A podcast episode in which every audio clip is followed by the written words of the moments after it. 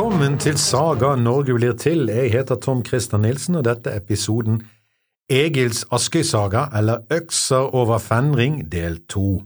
Denne podkasten er gratis og reklamefri, blant annet på grunn av at Radio Askøy stiller studio til rådighet, og på grunn av den uforlignelige viking bak spakene, Kim Andreassen. Vi er kommet dit at Eirik Blodes blodøks har tatt knekken på nesten samtlige av sine brødre. Det nærmer seg at han har tatt over hele landet. Vestlandet, Viken og Innlandet hans, det er bare trønderne igjen, og de skal han ta neste sommer. Men Egil Skallagrimsson har sluppet unna etter at Eirik har lovet å drepe ham etter en tingstrid. Tingstriden dreier seg om arven til Egils kone på Ask, på Fenring, eller på Askøy som det heter i dag. Eirik har måttet la Egil slippe unna mens han er opptatt med å erobre Østlandet, men Eirik er ikke naiv. Derfor lar han Egils arvemotstander Ønund få lov slippe å være med i krigen, og få lov til å være hjemme igjen for å passe på sitt tilranede gods. Eirik har til og med latt sin frende, en Frode, være tilbake for å komme han til hjelp sammen med en tropp menn. De visste nemlig ikke hvor Egil var, og det var best å være forberedt på det verste. I hvert fall når det gjaldt Egil.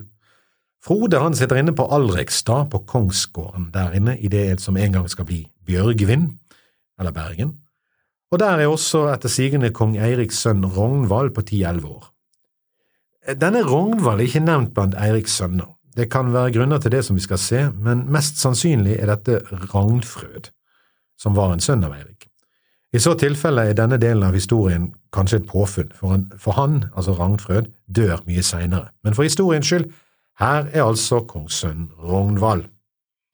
Når Ønund får vite om dette at Eiriks mann sitter på Alrekstad, inviterer han Frode ut til seg på Ask, på Gilde. Det har mange av oss vært, altså på Gilde på Ask, og det er verdt å gjøre. Han er en gjerrig mann. De er ikke det så mange av på Ask, men han er det, så han sender, folk, sender fra seg de folkene han har hatt hos seg for å beskytte seg. Prins Rognvald følger etter utover, men seiler videre ut til kongsgården på Herdla. Der har de også mye øl, skrives det, og igjen så er det litt rart at ikke han inviteres siden han er kongssønn, men la gå, han vil heller til Herdla. Og det er på Herdla Egil plutselig dukker opp i natten. Han har ikke reist fra landet. Ørene har ikke vært god, og han har lagt seg til på Herdlevær. Derfra tar han en liten båt og seiler over til Herdla for å spionere på kongsgården. Der får de vite at kongssønnen er på Herdla, og at Frode er på gården på Ask med bare noen få menn. Egil ser sin sjanse. Han kommer seg tilbake til Herdlevær og henter folkene sine. Så seiler han forbi Herdla og legger til i en skjult vik på Askøy. Eller Fenring. Skulle jeg gjette, ville jeg tro det var hmm, Hanevik eller der omkring. Egil går opp mot Ask for å speide. Der treffer han noen karer som av alle ting er ute og jakter på bjørn. En bjørn? På Ask? Mm. Det kan virke som de har drukket litt vel mye øl der ute på Hop. Uansett, Egil får overbevist Karen om at han er ute i samme ærend, ja, to jaktlag etter bjørn på Ask, og, sett, og at han har sett bjørnen i noen kratt lenger bortfor han, så Egil mener han har sett denne bjørnen. Dere må fortelle Frode og Ønund hvor bjørnen er. Som sagt, så gjort, karene løper opp til gården og sier at nå, nå har de funnet bjørnen. Egil gjemmer seg i krattet og gjør seg klar til å spille bjørn. Ønund og Frode går fem på. Sammen med en tredjemann går de ut i fylla for å jakte bjørn. Det er sånt man gjør i fylla i vikingtiden. Ønund stormer først frem mot krattet med spydet hevet. Men det er ingen bjørn, men tvert imot en fullbevæpnet Egil som kommer like vill imot. Begge kaster sine spyd, men Egil parerer det med skjoldet. For Ønund går det verre. Egils spyd, jeg mener Egil er jo edru, Ønund er ikke det, Egils spyd gjennomborer Ønunds skjold, men skader han ikke. Men dette gir Egil en fordel, for hans motstander kan ikke bruke skjoldet. Begge griper til sverdet, men Egil trekker raskere. Som Lucky Luke. Ønund har ikke fått sverdet ut av sliren før Egil hugger han ned. Det går ikke noe bedre med de to andre. Som Håvamål sier, betre bør du ber ikke bakke en mannevit mykje med låkere niste du legg ikke i veg enn ovdrykkje med øl. Fyllikene dør, og Egil står levende igjen. Han og hans menn tar nå hevn over arvestriden ved å gjøre vikingangrep mot gårdene på Ask. De brenner og dreper og plyndrer og tar med seg alt som de kan bære. På vei nordover igjen møter de på kongssønnen Rognvald, han kommer mot dem med sitt skip og sine tolv menn. Skjønner Egil hvem det er? Vi vet ikke, men han beordrer boring, og de, som, og de er som ulver som har fått ferten av blod. Her dreper Egil også Rognvald, kongens egen sønn. For godt mål å bare understreke hvem som har gjort dette, reiser nå Egil en nidstang mot Eirik på en høyde på Herdla. Det er et hestehode montert på en hasselstang, og han sier følgende. Her setter jeg opp en nidstang og dreier dette nid mot kong Eirik og dronning Gunhild, og jeg dreier det mot alle landvetterne som bygger og bor her i landet, og de skal fare forvillede og omkring og ikke finne noe blivende sted før de har jaget kong Eirik og Gunhild fra landet. Dette er helt katastrofe, egentlig. Nå har Egil definitivt gjort seg til kongens fiende, og dette krever hevn. Men kongen har ikke tid til hevn nå, han er på seiersrunde på Østlandet. Men kanskje får han likevel vite. Han beskrives i denne tiden som grusom, fåtalende og uvennlig. Kanskje har han grunner til det, han har mistet en sønn. Eirik kommer hjem til Hordaland denne høsten, og nå har Norge nesten vunnet. Når våren kommer, er han klar til å reise ny her og ta rotta på trønderne. Men denne våren har noe skjedd, folk vegrer seg. Han får ikke med seg nok folk, Eirik. Det blir åpenbart for Blodøks at dette ikke kan gå. Hva skal han gjøre nå? Han hører også at et eller annet har skjedd i Trøndelag. Sigurd Håkonsson, lagdejarl, har hentet ut et ess av ermet, og det snakkes om en ny hårfarge, en som gir odelen tilbake til bøndene. Eirik skjønner at hans dager er talte. I stedet for å ta opp kampen, mister Eirik rett og slett motet. Dette er ulikt han, men kanskje tenker han på å komme tilbake. Men altså, nå flykter Eirik. Norges andre konge stikker av. Han tar Gunhild og sine sønner og døtre med, og de som vil følge ham med, og de drar i Vesterled. Året er 935, og Norges konge rømmer landet. Rømmer er nok riktig, men dette er en såret ulv som nå drar fra Norge. Hva som så skjer, strides de skriftlærde om, men han flykter sannsynligvis til Orknøyene. Derfra fører han vikingtokt mot Skottland og England og andre steder. Men rundt 947 vender lykken, på et underlig vis.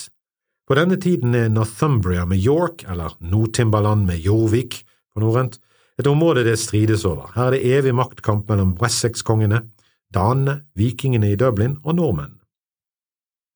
I 947, etter tolv år som viking i landflyktighet, skulle du sett, tar folket i Northumbria Eirik til konge. Du snakker om største comeback siden Lasarus.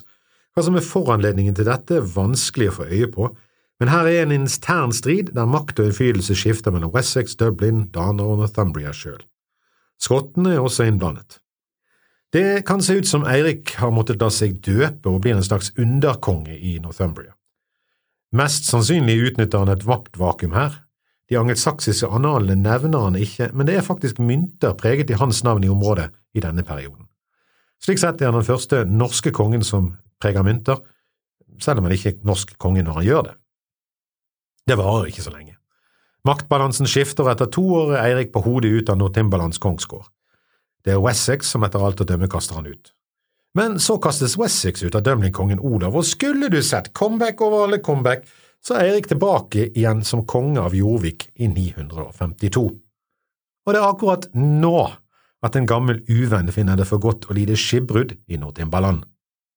Egil Skallagrimsson. Hvem andre enn den psykopatskalden av en landsforvist islending smadrer skipet sitt mot Eiriks kyster? Eirik kan ikke tro sitt utrolige hell, der plutselig fienden hans, Egil Skallagrimsson, han som har drept hans menn, gjort han til latter på tinget og drept hans sønn, plutselig igjen er i hans makt.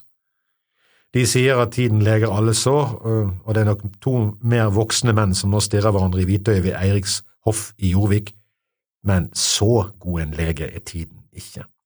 Kongen vil ta ham, Gunhild vil ta ham, men Egil er som vanlig rådsnar. Uten å bli bedt om det begynner han på et kvad. Det er et skamløst hyllingskvad til kongen, et frieri til kongens store ego. Egil er voldsmann og fiende av kongen, men han er også en gudbenådet dikter. Hva skal vi si, en slags datidens Bruce Springsteen, og ingen vil vel avbryte Bruce midt i fremførelsen, så kongen lar han fullføre, og dette er det Egil kveder. Mot vest jeg for, jeg tok om bord, min sangkunst med dro så av sted, stevnet hit ved tøbruds tid, er rommet røst til kvad i bryst. Tag drått, her hvor, som gjest jeg bor, på Englands jord, mitt dikterord, din pris med grunn i denne stund skal lyd meg kun ha fylt min munn. Akt fyrste på, du kan og må, versens fall blir det lyd i hall, din krigerferd er kjent av hver, men Odin så hvor hvalen. I tusenfold slo sverd mot skjold, du sprengte boll hver våpenvold, men spydmann skjøt der runget støt, og brak der lø som sang om død. Men uforskrekket og skjoldbedekket sto hirden egget og kampusvekket, under fana vannet, med blod ble blandet og vår røde, der stadig fløde. Tett spydene falt, og liv det gjaldt, men Eirik Ry seg vant på ny. Må taushet vare, vil frem fare, jeg kan hans svare bedrifter skare, flere han møtte, flere blødde, svungne klinger mot skjoldet springer, sverdene braket mot sverd i slaget, Odde ble jaget og sår og naget, med jern man leget, som kinden bleket, av våpen dragne, ble helteslagne. Odde ga sår, egget fikk skår, men Eirik Ry seg vant på ny. Ditt sverd ble rødt, ravn var møtt, liv ble dødt, for spær var det bløtt. Ulv vi dro, hen hvor i slo, mange døde ble ørnens føde. Ravns skare slapp for å spare, til dyngerne svare, de dalede snare. Nebbene stinger i røde bringer, blått den pletter ulven seg metter. Ei hungre den kan, der er nok for dens tann. Gikk Eirik i land, falt mang en mann. Skarpt det skjøts, freden brøts. Der spentes buer, det er ulven huer. Vast bet egget, piler knekke. Nye fôr fra buesnor. Frem for å felle med heftig velde. Kongen trengte, skjoldet hans lengte, som før de gikk her, sitt kvaderen er han verd, og ry hans ferd over havet bær. Stram buen han trakk, pilen stakk, gikk Eirik i land, falt mang en mann. Hva innerst inne han har på sinne skal enn man kjenne, så vil jeg ende. Alltid en bolle av kamp vil holde, brakende skjolde, for ham fryd vil volde. Og gull han byr, som armen pryr, karrig skikk lider han ikke. Han strør så hull blant hirden gull, som var der av mull, hans hånd var full. Sterk fra slaget er hjem han draget. Buene dirrer, sverdene klirrer, kongen sprer sitt gull og ler, land med ære han priset være. Fyrste fortell, diktet jeg vel, jeg tror med sjel jeg fikk lyd til mitt hell. Ut gjennom munnen jeg dypt fra bunnen av sjelens rike din pris lot stige. Ditt lov jeg kvad, men taus mann satt, jeg sier i hall, hva det sies skal, din ros min røst var ut fra bryst, av alle hørt, ble fremden ført. Det er vanskelig for oss å forstå virkningen av sånn åpenbar skamros, det ble nesten billig berørt, men den virket. Eirik likte kvadet svært godt, og det var en, i en ny rim og rytme for nordmennene, en skikk Egil hentet fra angelsakserne. Men vi må huske at ingen skrev ned dette, så den eneste sjansen Eirik hadde til å bevare dette hyllingskvadet, var å få noen til å lære det utenat. Da måtte det gjentas og repeteres. Og Egil var vel den eneste som kunne gjøre det, så denne forsmådde kongen som flyktet fra landet, han skjenker Egil livet. Så lenge Egil peller seg til hel vekk og ut av syne til evig tid. Ja, etter at noen har memorert det kvadet, da. Dermed blir kvadet for ettertiden, ettertiden hetende Hodeløsende, fordi det reddet og løste Egils hode. Det at han faktisk klarer å kvede seg til å beholde livet, gjør vel at historien om drapet av kongssønnen ved Herdla kanskje synes lite sannsynlig. Eirik og Gunhild var ikke typene til å tilgi slikt, sånn helt uten videre. Egil har heldigvis lært seg høflighet denne gang og takker for livet med nok et kvad. Kjeder jeg av kongen å få den heslige skjenk som mitt hode er, ingen gikk bort med bedre gave fra en høysinnet sønn av en drott. Egil farer bort i fred. Og et bilde av nidstangen han han satt på Herla, det kan du se i kommunehuset på Askøy. Men Eirik blir ikke sittende lenge som konge denne gangen heller. Seriemonarken setter livet til i et slag etter sigende ved Stenmore mot kong Edred av Wessex. Ting kan tyde på at han ble forrådt, men ut av historien går Eirik Blodøks med billett til Valhall. mm, selv om han var kristen, for det var han jo ikke helt. Han var mest på Åsatroen, i hvert fall i siste øyeblikk. Gunhild og hans gjenværende sønner og barn kommer seg unna til Danmark. Hun tok med seg gamle Guttorm Harald, siden kjent som Gråfell, Ragnhild, Erling, Gurø og Sigurd Sleva. Ragnfrø, den siste, var allerede falt for Egilsson, skal vi tro sagaen. Egil? Vel, Egil klarer ikke helt å holde seg unna den arven på Ask. Han har jo drept den opprinnelige arvetyven, men nå drar han til den som har overtatt gården, og utfordrer han til holmgang. Og holmgang blir det. Før holmgangen føres det frem en okse som etter skikken den som vant, måtte drepe. Holmgangen viser seg å bestå av to svære kjemper, Egil og hans motstander. Kjempene går mot hverandre med spyd og skjold hevet. Sverdet er holdt langs armen ut av sliret for å slippe å dra det ut, for det tar tid. Det var den feilen Ønund gjorde da Egil latet som han var en bjørn. De kaster først spyd på hverandre, men begge bommer. Så blir det sverdkamp. De hugger løs på hverandre, men begge parerer med skjoldene. Egil er ualminnelig stor og sterk, og får overtaket og ødelegger motstandens skjold med sine harde hugg. Han hogger det rett og slett i stykker. Motstanderen kaster det ubrukelige skjoldet fra seg. Nå står han mer åpen for hugg fra Egils sverd, men friere til hugget sjøl. Men som alle vet som har hugget ved og trær, det sliter på eggen. Jeg husker sjøl når jeg dro slipesteinen, det som føltes som uendelig mange ganger runder, for min bestefar. Egilsverd har desperat behov for en slipestein nå. Det vil ikke bite, til tross for at han treffer motstanderen sin gang på gang på gang. Frustrasjon og sinne tar over hos Egil som så mange ganger. Han kaster sverdet, springer på motstanderen, og kommer dermed helt innpå så tett at sverdet ikke er til nytte lenger. Det er blitt en rein brytekamp. Du tror kanskje det er mindre farlig, men langt derifra. Dette er ikke bryting med regler. Sterke hender kan knekke nakker og kvele en motstander. Og Egil er fysisk mye sterkere enn sin motstander, og det viser seg nå. Igjen får han overtaket. Men ikke nok til å få tak rundt strupen på motstanderen, som forsvarer seg i vill dødsangst. Når han ikke får tak på motstanderen, og han klarer å avverge Egils grep, så gjør Egil noe helt grotesk. Vi kan se for oss at begge hender er bundet, begge holder hverandres armer hardt. Da åpner Egil munnen og hogger tennene i strupen på motstanderen. Rett og slett biter han i halsen. Om noen gang uttrykket å gå i strupen på noen har vært brukt bokstavelig om mennesker, så er det her. Egil biter til det han klarer, og biter over strupen og halspulsåren. Det er blodig og vilt og rett ut umenneskelig. Mens blodet pumper for halspulsåren og motstanderen blør ut, reiser Egil seg fra kampen med blodrøde tenner og blod i hele ansiktet og rundt munnen. Selv voldsvante vikinger gisper og tar et steg tilbake. Vel er de vant til skader i kamp, men dette, å bite over en manns strupe med egne, egne tenner, er helt vilt. Egil virker i dette øyeblikket mer som en ulv, et udyr, enn en mann. De ville øynene hans skjulte en galskap og en blodtåke som gjør at ingen nå vil komme nær. Mengden trekker seg uvegerlig unna og holder seg på trygg avstand når Egil går fra liket mot oksen. Mennene tar nervøst mot sverdet. Kan han stagge sin blodlyst når han først er i kamptåken? Men Egil går målrettet mot oksen. Han må også drepe stuten for å avgjøre kampen, og i blodtåken vører han ikke dyrets farlige horn og stanging. Han tar det ved hornene, bokstavelig talt, velter det over så at nakken knekker på dyret. Dermed arven Egils og gården på Askhans. Ingen som var på Gulating den dagen, kom noen gang til å forsøke en arvestrid med han. Og for de av dere som bor på Ask, ta godt vare på den jorden dere eier, for dere har blitt spilt blod for den i historien. Men ett spørsmål er ennå ikke besvart.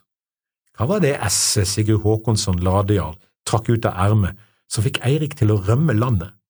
Eirik hadde jo gjort kål og suppe på alle sine halvbrødre, ja, ja, unntatt én, da, denne tenåringen som var til fostring i England. Han hadde jo ingenting å fare med, hadde han vel? Mer om det neste gang, dette var slutten på vår eh, episode Egils Askøy-saga, eller Økser over fenring, både del én og del to. Har du spørsmål eller kommentarer, send den gjerne til tom.christer.gmail.com. Tom Christer Nilsen har satt ved mikrofonen, og Kim Andreassen har satt bak spakene, og vi takker begge for denne gang. Velkommen til neste episode, som rett og slett heter Den gode.